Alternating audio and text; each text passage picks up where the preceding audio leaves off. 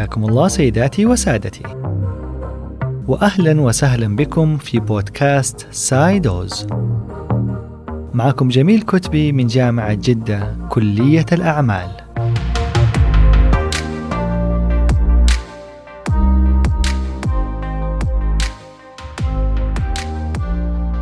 واليوم راح نناقش عشرة نصائح قدمها رائد الأعمال البريطاني المشهور ريتشارد برانسون.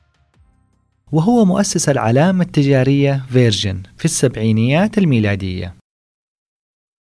فاليوم يملك أكثر من 400 شركة حول العالم في مختلف الأنشطة والمجالات.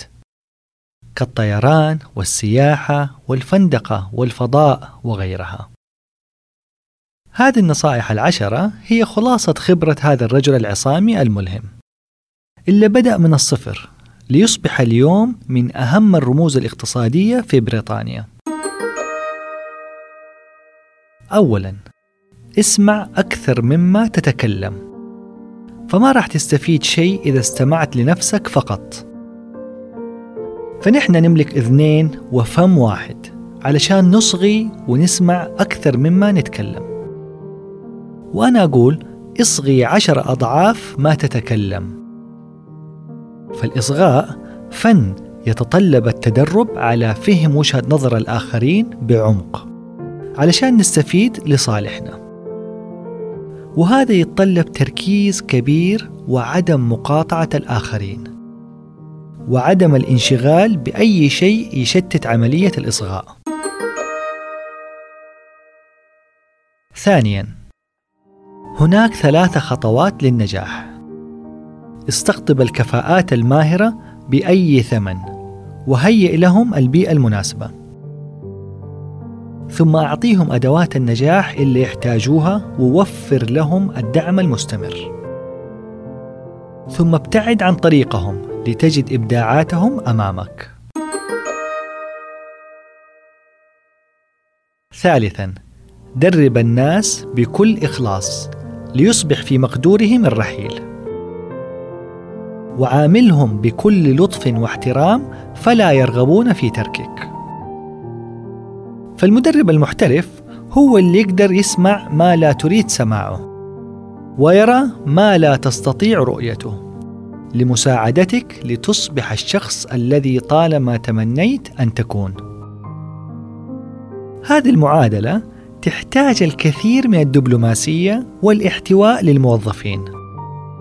فتصير الشركة عبارة عن عيلة كبيرة يملك فيها حس الانتماء فيحرصوا على نجاح الكيان والذي يعني نجاحهم وازدهارهم.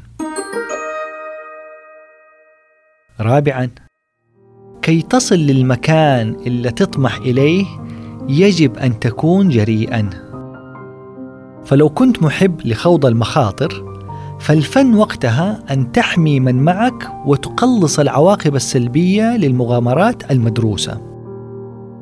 فالمغامرون قد لا يعيشون طويلا، ولكن الحذرين لا يعيشون أبدا. والجرأة تتضمن القول والعمل. فالقائد الناجح تجده يحترم الموظف اللي يعرض رأيه المخالف بكل أدب ودبلوماسية وفن.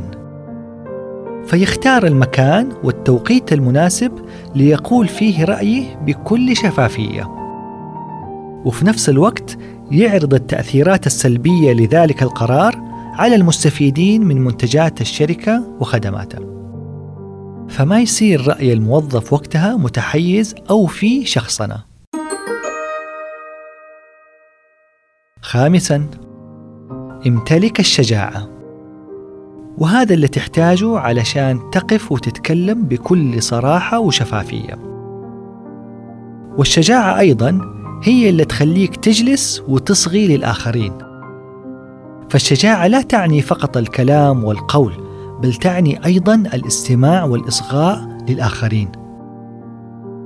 فاللي يمتلك الشجاعة بتلاقي عنده قدرة الكلام وقدرة التعبير وأيضا يملك القدرة على الإصغاء للآخرين وتقبل آرائهم.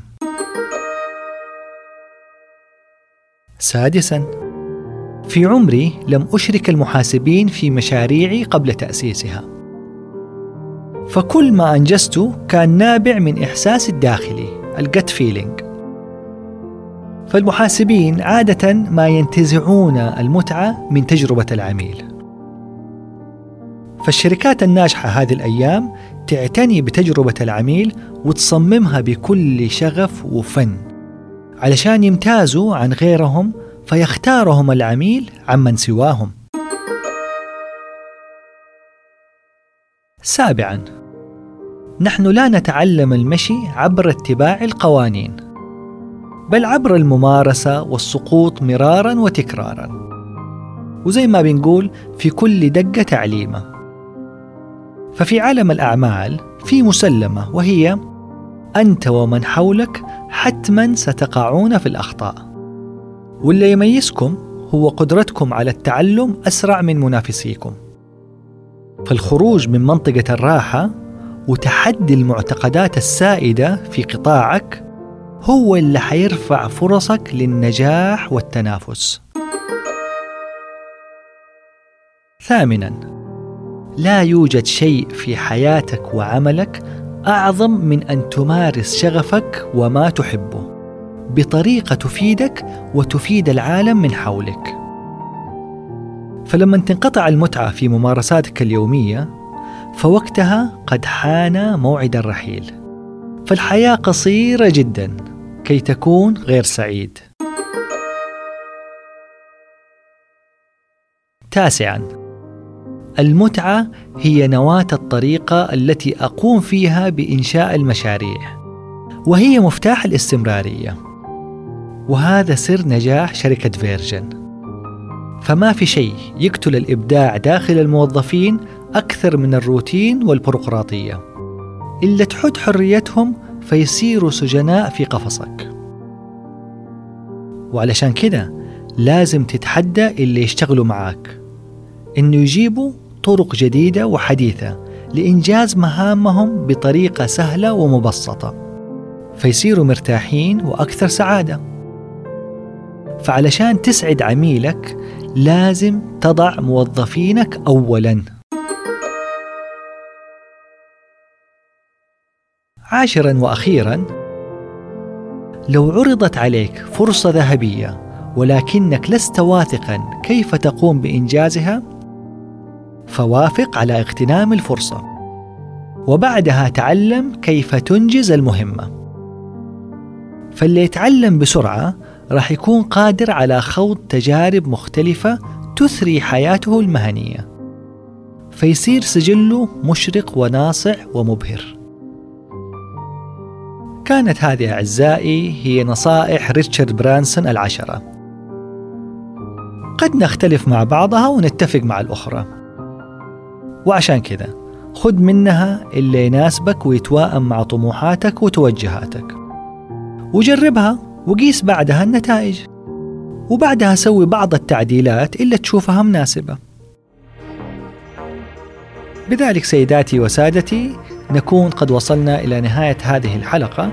أشكركم جزيلا على حسن وطيب إصغائكم وملتقين بحول الله في الحلقة القادمة من بودكاست سايدوز. فمان الله